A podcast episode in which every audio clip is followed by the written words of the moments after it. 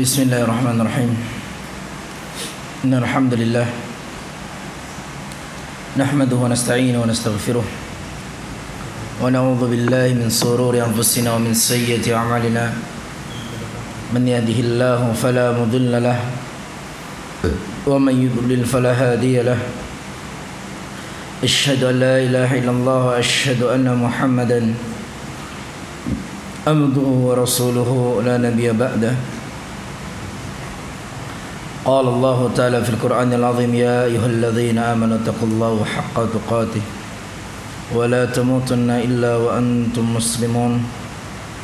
وقال أيضا يا أيها الناس اتقوا ربكم الذي خلقكم من نفس واحدة وخلق منها زوجها وبث منهما رجالا كثيرا ونساء. واتقوا الله الذي تساءلون به والأرحام. إن الله كان عليكم رقيبا. وقال أيضا يا أيها الذين آمنوا اتقوا الله وقولوا قولا سديدا يصلح لكم أعمالكم ويغفر لكم ذنوبكم ومن يطع الله ورسوله فقد فاز فوزا عظيما. أما بعد فإن أصدق الحديث كتاب الله وخير الهدي هدي محمد صلى الله عليه وسلم وشر الأمور محدثاتها. فإن كل محدثة بدعة وكل بدعة ضلالة وكل ضلالة في النار أيها الإخوة ورحمني ورحمكم الله جميعا الحمد لله kita panjatkan puji syukur kepada Allah Subhanahu wa taala atas limpahan nikmat dan karunia yang Allah Subhanahu wa taala berikan kepada kita sehingga pada malam hari ini kembali kita dikumpulkan oleh Allah Subhanahu wa taala di tempat yang penuh dengan kemuliaan ini insyaallah. Ayyuhal ikhwah rahimani wa rahimakumullah jami'an. Dan hanya dengan meminta pertolongan kepada Allah Subhanahu wa taala pula. Semoga Allah Subhanahu wa taala memberikan kelapangan bagi hati kita dalam menerima kebenaran dan mengamalkan apa yang telah kita pelajari. Ayyuhal ikhwah rahimani wa rahimakumullah jami'an. Fa insyaallah pada malam hari ini kembali kita akan melanjutkan mempelajari bersama yaitu kitab Syarah Usul Sittah yang ditulis oleh al-Imam Muhammad At-Tamimi rahimahullah taala. Maka masih dalam pembahasan berkaitan tentang menjadi wali-wali Allah Subhanahu wa taala. Dan siapa wali-wali Allah Subhanahu wa taala? Apa maknanya wali? Wali adalah orang yang dicintai oleh Allah Subhanahu wa taala. Orang yang mendapatkan pertolongan Allah Subhanahu wa taala itu namanya wali Allah Subhanahu wa taala. Ya. Maka pada pertemuan yang telah lalu kita sebutkan dan dibawakan oleh muallif rahimahullahu taala dalil dari surah Ali Imran ayat yang ke-25 Allah Subhanahu wa taala berfirman kul in kuntum tuhibbunallaha fattabi'uni yuhibbukumullah.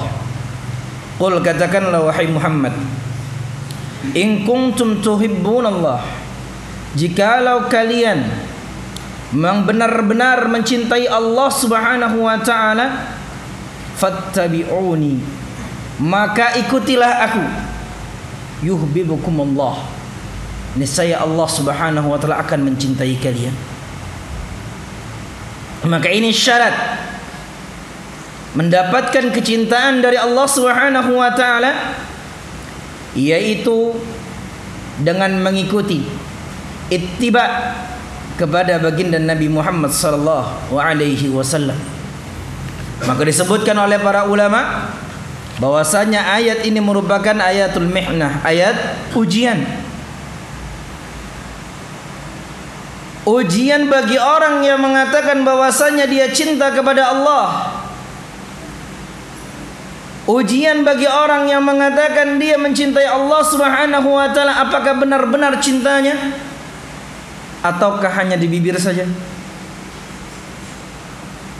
Orang yang mencintai Allah Subhanahu wa taala sebab dia mendapatkan kecintaan Allah Subhanahu wa taala yaitu dengan ittiba dengan mengikuti sunnah Nabi sallallahu alaihi wasallam ini namanya apa?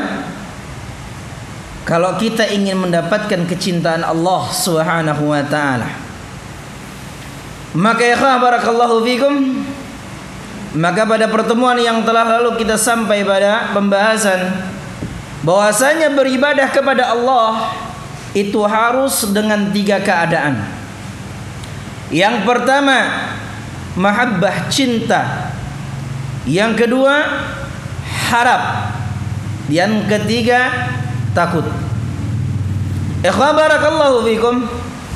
Mereka mengaku cinta kepada Allah Subhanahu wa taala tapi kenyataannya mereka beribadah tidak sesuai dengan petunjuk Nabi sallallahu alaihi wasallam. Ya. Ketika mereka beribadah tanpa mengharapkan surga dan mereka takut. Ya tanpa takut akan azabnya maka ini sudah menyelisih petunjuk Rasul sallallahu alaihi wasallam. Karena di dalam Al-Qur'an di dalam surah Al-Isra Allah Subhanahu wa taala menjelaskan kepada kita tentang sifat ibadahnya para nabi dan para rasul. Bagaimana Kata Allah Subhanahu wa taala yarjuna rahmatahu wa yakhafuna adzabah. Mereka ibadahnya para rasul, ibadahnya para nabi, mereka mengharap rahmat Allah, mengharapkan surga Allah dan takut akan azab Allah Subhanahu wa taala. Maka mereka menyelisih ayat ini. Mana mungkin mereka meraih kecintaan Allah Subhanahu wa taala? Mana mungkin mereka meraih kecintaan Allah Azza wa Jal? Apalagi mereka menciptakan zikir-zikir sendiri Mengadakan model-model berzikir yang mereka buat-buat sendiri. Bahkan ada yang sambil joget-joget menggunakan musik untuk berzikir kepada Allah Subhanahu wa taala. Ya, mereka ada-adakan sendiri yang tidak ada contohnya dari Rasul sallallahu alaihi wasallam. Bahkan lebih parah daripada itu, ya. Mereka memiliki keyakinan memiliki keyakinan-keyakinan yang menyimpang yang sampai pada tingkatan kesyirikan dan kekufuran. Maka inilah syarat utama menjadi wali Allah yaitu ittiba kepada Rasul sallallahu alaihi wasallam. Ya. Apa yang harus kita ikuti pada diri Nabi sallallahu alaihi wasallam? Semuanya ya Allah. Semuanya harus kita ikuti. Terutama pada tauhid beliau Kemudian pada akidah beliau Seluruh keyakinan beliau Kemudian seluruh amalan-amalan beliau Dan itulah yang disebut dengan syariat Islam ya. Ini yang disebut dengan apa? Syariat Islam Jadi yang namanya syariat Islam itu adalah semua petunjuk Rasul sallallahu alaihi wasallam Sebagian orang ada yang memahami seakan-akan syariat Islam itu hanya hukum-hukum berkaitan dengan negara. Seperti apa? Potong tangan, kisos, hukum pidana. Ini sebagian manusia memahami seperti ini. Jadi mereka menggemborkan daulah-daulah Islam ya, yang ada di pikiran mereka hanya ini saja. Ya, menegakkan syariat Islam kisos, potong tangan, cambuk. So, ya. Syariat Islam yang paling tinggi, yang paling mulia adalah petunjuk Nabi sallallahu alaihi wasallam. Ini syariat yang paling tinggi dan paling utama adalah tauhid, memurnikan ibadah hanya kepada Allah Subhanahu wa taala dan menjauhi kesyirikan. Ini namanya syariat Islam. Ya. Jangan bangga suatu tempat bisa menegakkan syariat Islam tapi nol akidahnya. Rusak akidahnya. Rusak pemahamannya di dalam perkara agama. Waliyadzubillah. Nah, ya. Karena apa ya? Karena mereka memahami syariat Islam itu hanya sebatas dengan hukum-hukum negara. Kalau ada orang yang mabuk dicambuk, ya, tapi mereka tidak memperhatikan syariat yang paling tinggi adalah ittiba kepada Nabi sallallahu alaihi wasallam. Nah, sungguh aneh ya ketika ada orang yang mengajarkan sunnah yang mengajarkan petunjuk Nabi sallallahu alaihi wasallam, mengajarkan akidah Nabi sallallahu alaihi wasallam, mereka persekusi. Ya. Kenapa ya demikian? Ya, karena mereka tidak mengikuti syariat yang paling mulia syariat yang paling tinggi yaitu mengikuti Nabi sallallahu alaihi wasallam. Ya. Subhanallah ya. Jadi sebagaimana yang terjadi baru-baru ini ya, di suatu negeri di satu tempat ya. Nah, disebabkan apa? Karena mereka memahami syariat Islam dalam lingkup kecil. Ya. Tapi mereka tidak paham syariat Islam yang sesungguhnya yaitu mengikuti ittiba kepada Nabi sallallahu alaihi wasallam. Ya. Makanya ya dahulu para ulama seperti Al-Imam Al-Ajuri rahimahullahu taala menamakan kitab beliau ya kitab akidahnya dengan nama Asy-Syar'iyyah. Nah, padahal isinya adalah akidah, keyakinan mentauhidkan Allah Subhanahu wa taala dan menghilangkan semua keyakinan-keyakinan yang menyimpang. Jadi itibak kepada Nabi Shallallahu Alaihi Wasallam itu maknanya mengikuti keseluruhan ajaran beliau yang telah sempurna ini. Mengikuti baik dalam perkara akidahnya maupun amalannya, baik itu keimanan ya, atau keyakinan atau ibadah ataukah akhlak firlaku kita sikap kita kepada hamba-hamba Allah maka ikhlas sekalian semakin kita mengikuti sunnah Nabi sallallahu alaihi wasallam maka semakin besar kita meraih cinta Allah Subhanahu wa taala dan semakin tinggi derajat perwalian kita di sisi Allah Subhanahu wa taala maka di sinilah kita harus menyadari pentingnya mempelajari ilmu agama Ya pentingnya mempelajari ilmu-ilmu agama. Karena dengan memahami ilmu agama kita semakin tahu petunjuk-petunjuk Nabi Shallallahu Alaihi Wasallam. Tidak mungkin kita bisa mengamalkan tanpa kita mempelajari terlebih dahulu. Makanya ikhwafillah An-Nabi sallallahu alaihi wasallam beliau bersabda, "Man salaka tariqan yaltamisu fi ilman sahalallahu bi tariqan ila jannah." Barang siapa yang dia menempuh suatu jalan ya, dalam rangka mempelajari agama Allah Subhanahu wa taala, sahalallahu rabbi tariqan ilal jannah. Maka Allah Subhanahu wa taala ya akan mudahkan jalannya menuju surga Allah Subhanahu wa taala. Karena dengan belajar dia akan tahu petunjuk Nabi sallallahu alaihi wasallam kemudian dia mengamalkannya. Maka dengan sebab itu pula dia menjadi wali Allah Subhanahu wa taala. Maka ini pembahasan ayat yang pertama yang disampaikan oleh muallif rahimahullahu taala. Kemudian kata beliau rahimahullahu taala, ayat yang berikutnya yang menunjukkan kepada kita siapa saja wali-wali Allah yaitu sebagaimana yang terdapat dalam surah Al-Maidah ayat yang ke-54.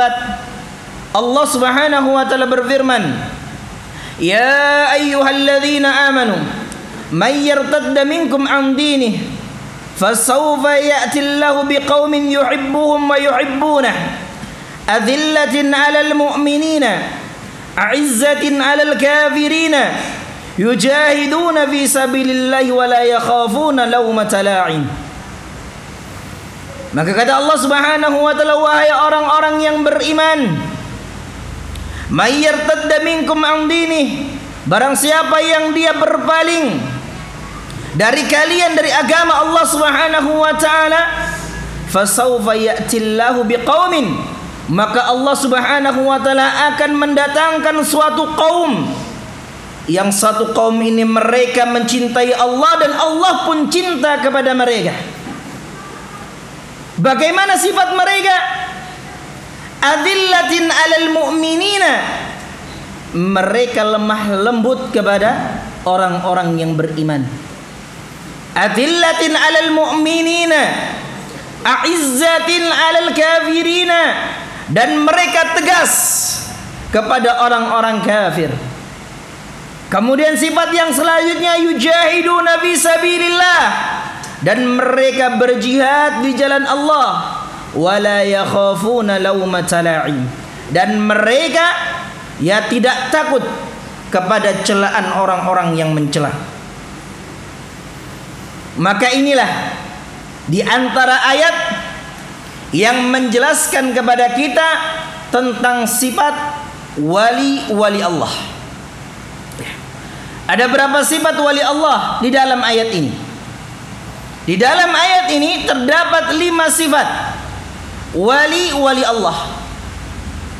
Yang pertama, mereka mencintai Allah Subhanahu wa taala. Ini sifat wali Allah yang pertama. Mereka mencintai Allah Azza wa Jalla. Ini sifat yang pertama. Cinta kepada Allah dan cinta kepada Allah ini adalah ibadah. Sehingga harus kita murnikan cinta kita hanya untuk Allah Subhanahu wa taala. Cinta yang dibarengi dengan penghinaan diri di hadapan Allah Subhanahu wa taala.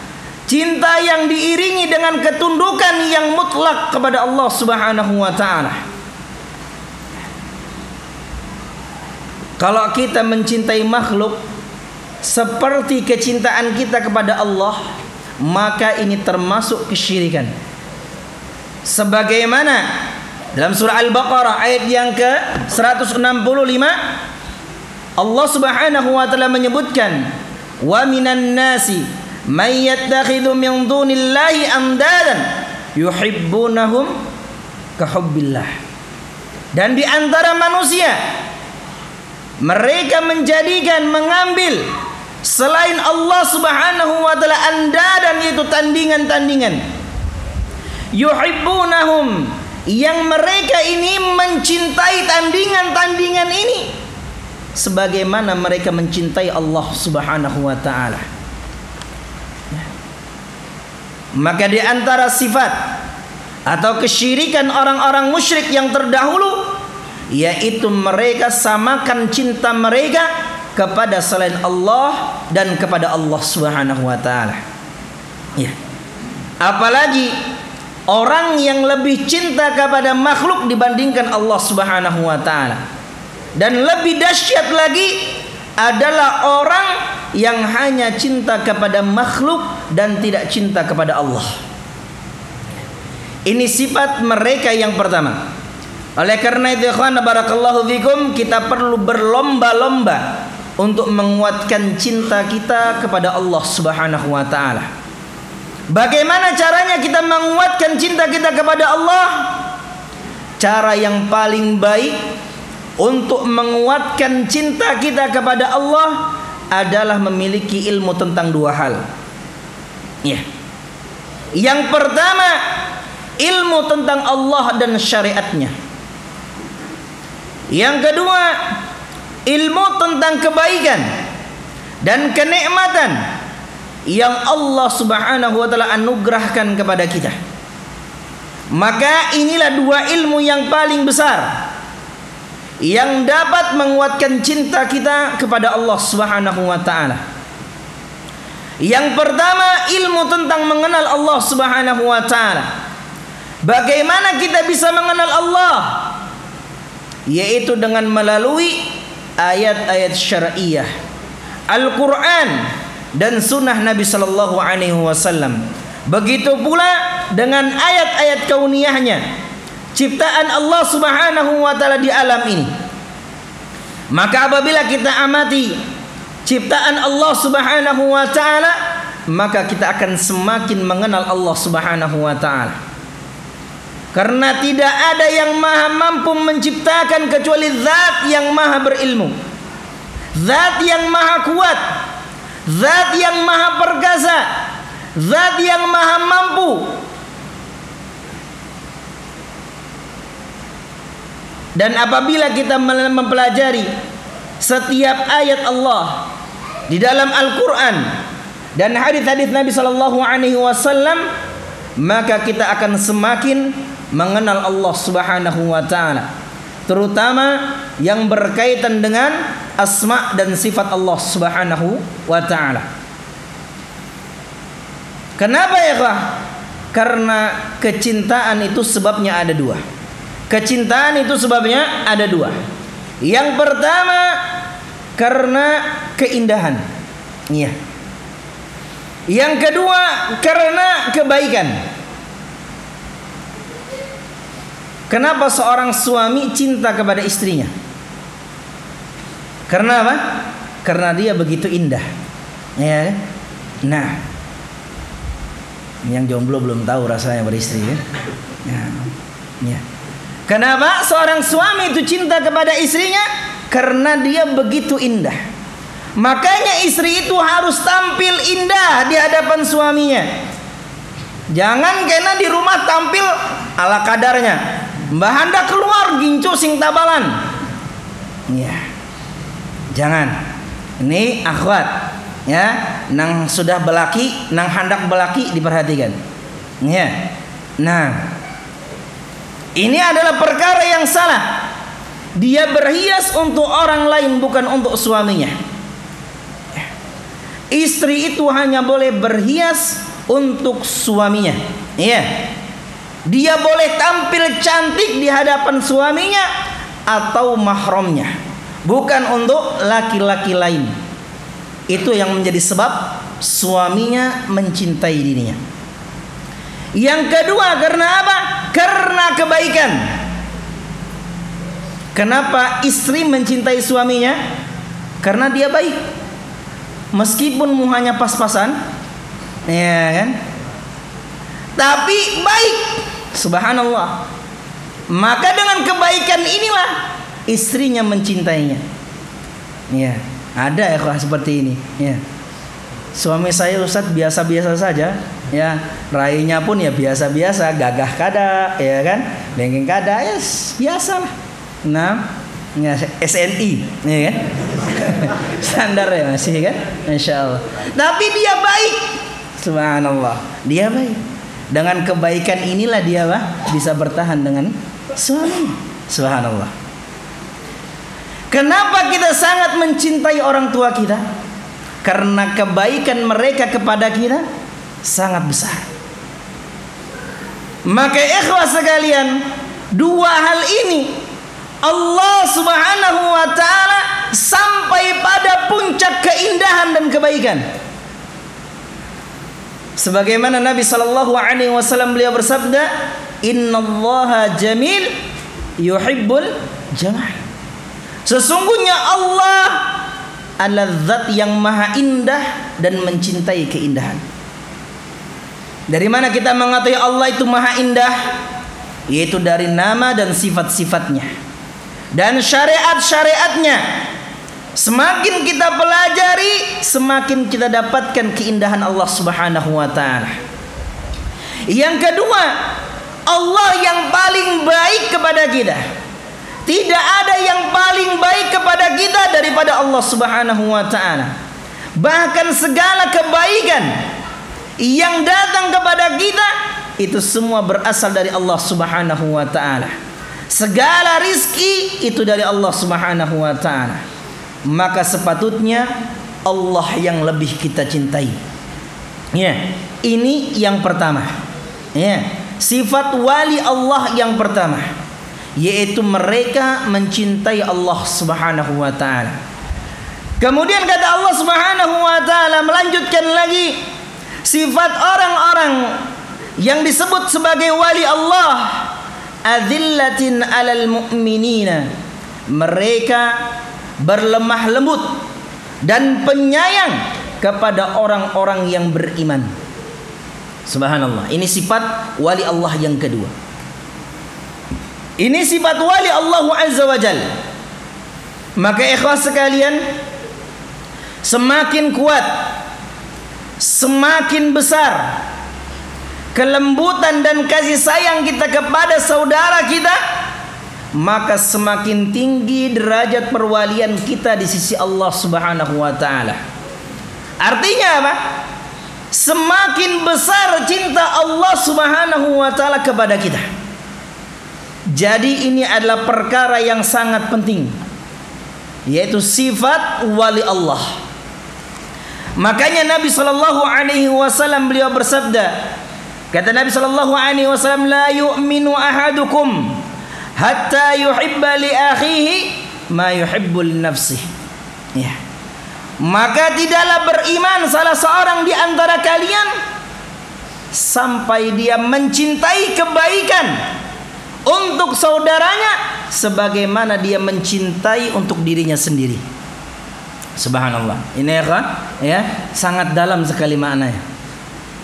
Kalau kita ingin satu kebaikan untuk diri kita, apakah itu kebaikan dunia? Terlebih lagi kebaikan akhirat, kita pun pengen kebaikan itu untuk diri kita. Ya. Yang kata Nabi Shallallahu Alaihi Wasallam tidaklah beriman, ya, tidak beriman kita kalau kita belum sampai pada tahap ini yaitu mencintai kebaikan untuk diri kita dan kita pun ingin itu pada saudara kita. Ya, masya Allah. Kalau kita ingin misalkan ini apa? Dalam pekerjaan dunia misalnya, dalam perkara dunia, kita pengen penghasilan kita ini satu bulan satu miliar. Nah, kita pun pengen saudara kita mendapatkan penghasilan yang sama seperti kita. Kalau kita ingin masuk surga, kita pun ingin saudara kita juga masuk masuk surga.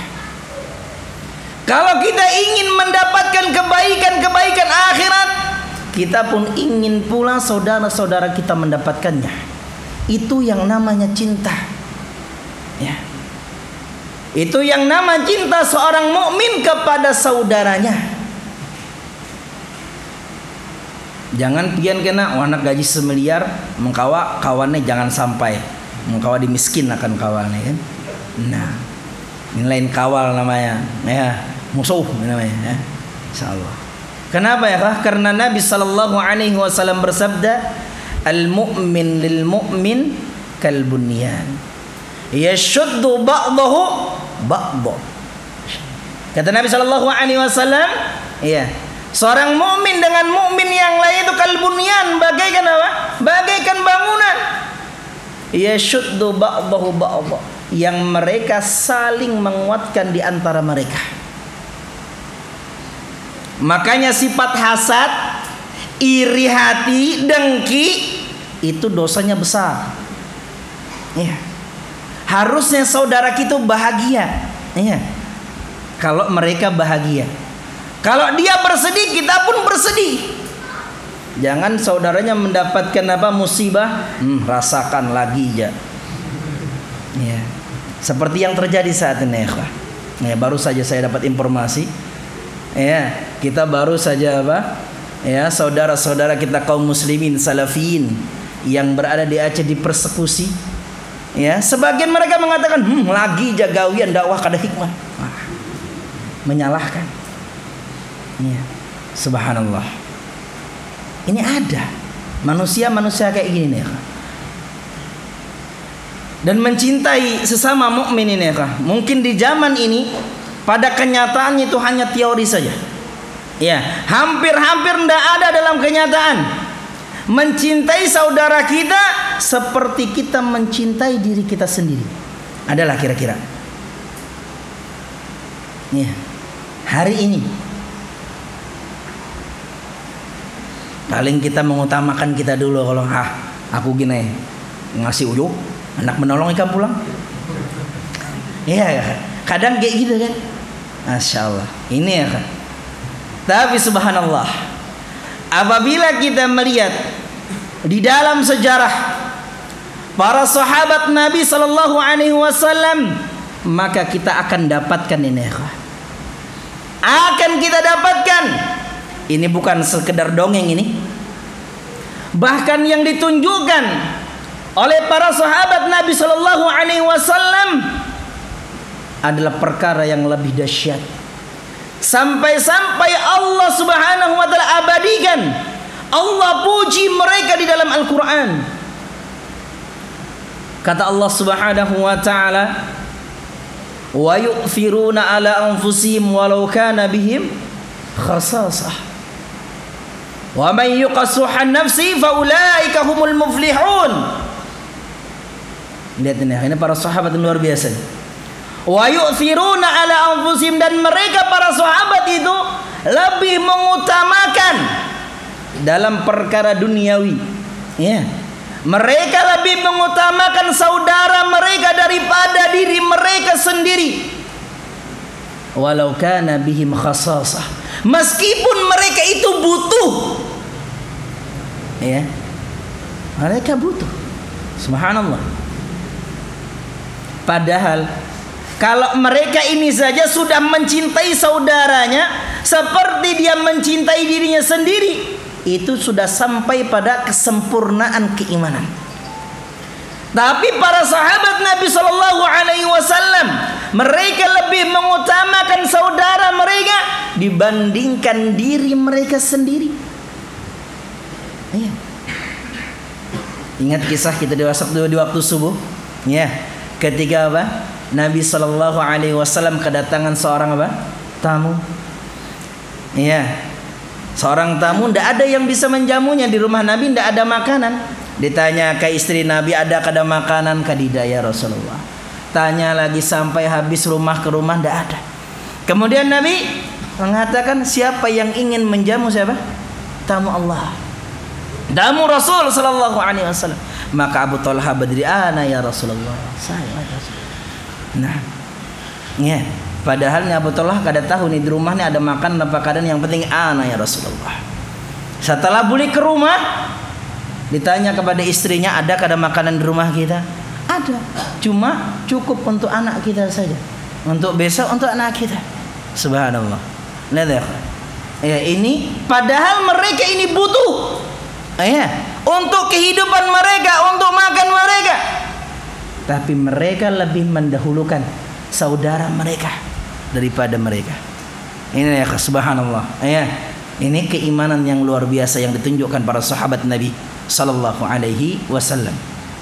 Mereka lebih mengutamakan saudara mereka dibanding diri mereka sendiri. Sampai Allah Subhanahu wa taala puji dalam Al-Qur'an. Ya wa yu'thiruna ala anfusihim walau kana bihim khasasah. Ya mereka mendahulukan. Ya Naam. Ya ala anfusihim walau kana bihim khasasah. Meskipun mereka apa? Butuh.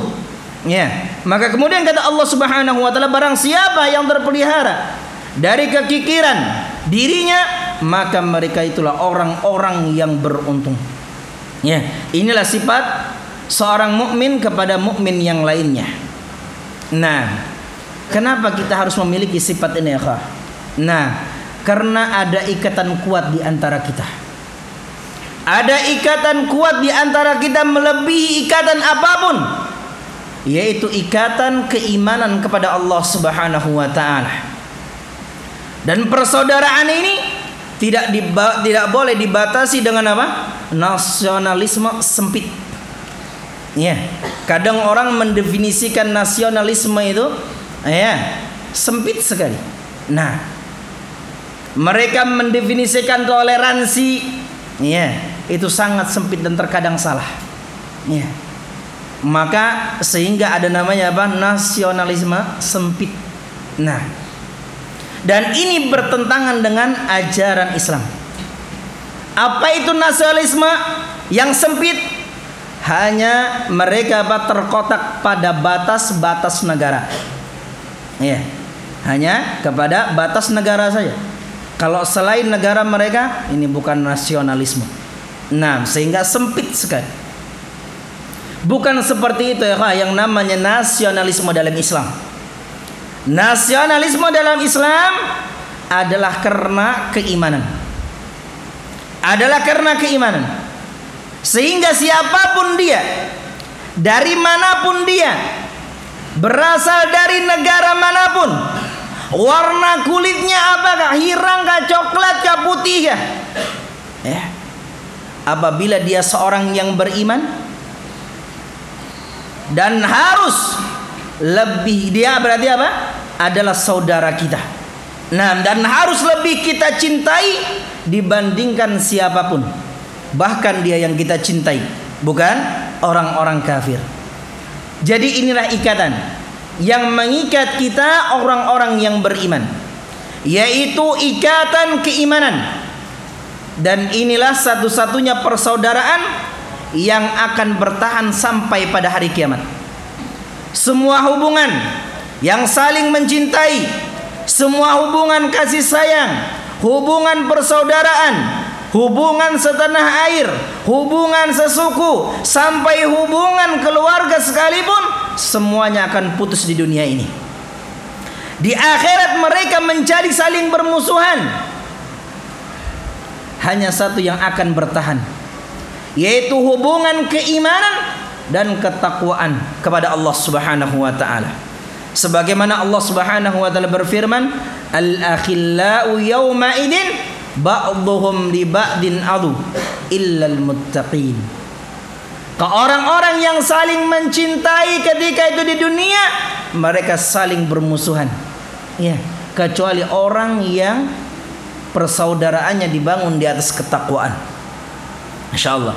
Ya, yang namanya al-akhilla, ya khullah itu cinta yang menancap merasuk ke dalam dalam hati. Itu namanya al-akhilla. Jadi cintanya itu dahsyat. Ya bukan hanya sekedar apa? Cinta-cinta. Tapi ini kalau ungkapan akhilla itu dalam sekali. Subhanallah. Ya. Itu cinta yang mengakar, cinta yang benar-benar menghujam ke dalam hati. Namanya akhilla. Ya. Jadi orang-orang yang mencintai bukan di atas ketakwaan kepada Allah Subhanahu wa taala, maka kata Allah yauma idzin ba'dhum li ba'din adu, maka pada hari kiamat ya mereka saling bermusuhan illal muttaqin kecuali persaudaraan yang dibangun di atas ketakwaan. Ya, persaudaraan yang dibangun di atas ketakwaan. Maka kita bersyukur ya barakallahu fikum. Iya. Kita berhijrah, kita dapat teman-teman yang baru, teman-teman yang hanyar. Iya, alhamdulillah. Ini merupakan nikmat yang besar ya barakallahu fikum. Teman-teman yang bisa membimbing kita kepada ketakwaan. Iya. Jangan kita sedih. Wah, kawan-kawan saya dulu banyak meninggalkan saya. Tapi antum lihat hikmah yang lain. Antum dipertemukan lagi dengan teman-teman yang baru. Teman-teman yang bisa membimbing antum kepada ketakwaan. Teman-teman yang akan menegur antum tatkala antum melakukan kesalahan. Bukan ini merupakan nikmat? Tentu ini nikmat dari Allah Subhanahu wa taala. Jadi kita bersyukur kepada Allah. Kita dikumpulkan, bertemu ya di satu majlis yang diliputi oleh malaikat, yang diliputi oleh rahmat, kita berkumpul di satu majlis, ya. Subhanallah. Kita berkumpul karena keimanan ketakwaan kepada Allah Subhanahu wa taala. Maka ini harus perkara yang kita kita sangat kita syukur-syukuri. Jaga ukhuwah kita ya, kah. Jaga ukhuwah kita, jaga persaudaraan kita. Jangan hanya perkara karena apa? Bersinggungan lawan kawal di pengajian kada hadir taklim. Iya. Karena kada cocok lawan si ikung kada mau taklim. Nah, ini penyakit. Kalau gini yang rugi siapa? Ente yang rugi. Ente terjauhkan dari ilmu. Tenang Ustaz, di rumah kan ada YouTube. Ya, ini hujahnya orang sekarang kan. Nah, YouTube. Beda ya, keberkahan orang yang mengambil langsung ke majelis ilmu dengan orang yang duduk di hadapan laptop. Ya, berbeda ya. Nah, ente dengarkan kajian ongkang-ongkang kaki, ya buka baju, celana pendek, kira-kira berkah itu nanti? Ya. Meski ente paham, tidak akan berkah. Berbeda dengan antum datang ke majlis dengan pakaian yang bagus, ya, pakaian yang indah, tentu berbeda ya, ya maka jaga ukhuwah kita. Tepikan iri, hasad, dan itu menjauhlah dari diri-diri kita. Ukhuwah ini lebih mahal. Ya, persaudaraan ini lebih mahal ya barakallahu fikum. Ya nikmat persaudaraan itu lebih mahal daripada segalanya. Jangan hanya karena hintalu puyuh sebuting aja ini kan. Kita bakal lahian betangkaran kada nyaman lalu. Subhanallah. Ini perkara yang ringan saya contohkan. Hintalu puyuh. Eh, ya. Hintalu puyuh ini kan namun sebuting nih berapa harganya? 2000, 1000. Tapi gara-gara ini kita bakal cakut. Eh. Hanya karena apa? kada nyaman lawan kawan ada tahwal sedikit. Ngaliam kada mau taklim lagi ya. Kenapa kada taklim? Ada si anu si anu. Ya pokoknya sampai si anu tuh kerida di situ hanya aku. Berarti menyuruh kawannya nih menjauh dari majelis ilmu. Iya. Subhanallah. Ini manusia ini ada yang kayak gini-gini nih. Iya. Maka kita ya bersabar kalau kita melihat ada kesalahan pada saudara kita iya berikan uzur kepadanya, berikan maaf kepadanya. Ya. Kalau kita nak ini semua, masing-masing perkara surat penggulu, ah, kadidat tuntung-tuntungnya. Ya. Tidak ada habis-habisnya. Yang ada kita semakin jauh dari majlis ilmu. Semakin kita menjauh dari orang-orang saleh. Ya. Maka semakin kita dekat kepada golongan yang kedua, golongan syaitan. Kambing itu aman kalau dia bah, bersama rombongannya. Kalau menyorangan, ya, semakin mudah serigala akan menerkamnya. Insya Allah kita akan bahas nanti di kitab Ad-Da'wa Dawa bagaimana Ibnu Qayyim rahimahullah akan menjelaskan. Ya. Nah, subhanallah. Ini ya, hendaknya senantiasa kalau kita melakukan kesalahan satu dosa, jangan antum menjauh dari majelis hendaknya senantiasa atau mendekat. Nah memperbaiki diri kita. Nah kelebih kepada perkara yang lebih baik lagi. Wallahu taala bisawab. Nah insyaallah mungkin sampai sini dulu kita tutup dengan doa kafaratul majlis